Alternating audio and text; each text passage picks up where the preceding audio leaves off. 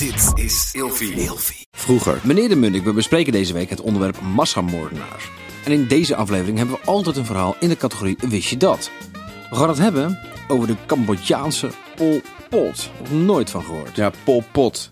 Eigenlijk zie je binnen het communisme dat ze steeds dezelfde soort fouten maken. Dus vrije boeren die worden gedwongen om in staatsboerderijen of gecollectiviseerde boerderijen samen te werken. En dat gaat gewoon helemaal mis.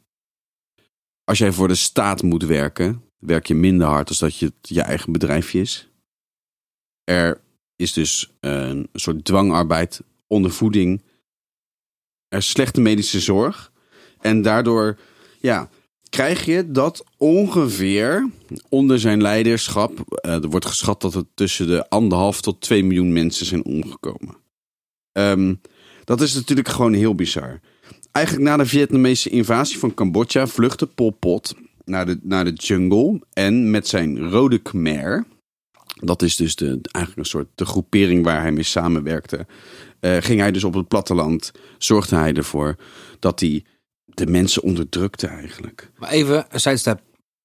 Wie was Pol Pot in Cambodja? Was hij de president of de Nee, koning of de zoon van weet ik veel wat? Hij, hij, hij was, een, hij was een revolutionair eh, die, die de, de Rode Khmer, dus zijn beweging, leidde van 1963 tot 1998. Maar een beweging, een soort van... Dus hij had, was helemaal niet de baas van het land. Nou, uiteindelijk grijpen zij de macht en, en wordt hij de, de, ja, hoe zeg je dat, de leider van Cambodja. Ja, en de Mark Rutte van ja, ja, Cambodja. Ja, eigenlijk wel. En dat gebeurde op 17 april 1975. Oh, dat is niet zo lang geleden. Nee, nee, zeker niet. Uiteindelijk, wanneer de, eigenlijk de Vietnamezen dus ook zelf winnen in Vietnam en de Amerikanen eruit trappen, om het zo maar te zeggen, gaan de Vietnamezen Cambodja, eh, ja, komt er een invasie. En Pol Pot moet dan vluchten. Pol Pot was een Amerikaan. Nee, hij is gewoon een Cambodjaan. Nee joh. Jawel. Hoe heeft hij dan allemaal mensen vermoord? Dat is een massamoordenaar. Ja. Wat is daar gebeurd? Nee, kijk, hij heeft gewoon binnen zijn eigen land een staatsgreep gepleegd. Heeft de macht gegrepen. Wilde allerlei hervormingen invoeren.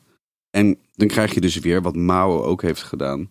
En wat onder Stalin ook gebeurde. Dan beginnen ze een agrarische hervorming. ehm, die gewoon niet aanslaat. En vervolgens blijven ze dat doordrukken. Blijven ze mensen onderdrukken. Er is dwangarbeid, er is ondervoeding. En mensen sterven dus uiteindelijk door hongersnood. En ook iedereen die tegen is, wordt afgeknald. Of dat dan weer Ja, niet? natuurlijk wel. Ja, absoluut. Maar dus mensen worden afgeknald. Maar het gaat voornamelijk om dat hij ja, zijn visie niet goed heeft uitgedacht. Of dat het niet goed wordt uitgevoerd.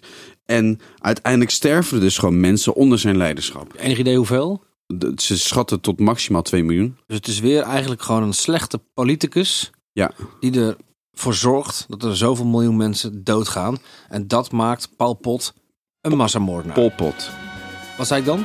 Paul. Paul, nee. Pol Pot. Nou, Pol Pot. Tot morgen. Vroeger.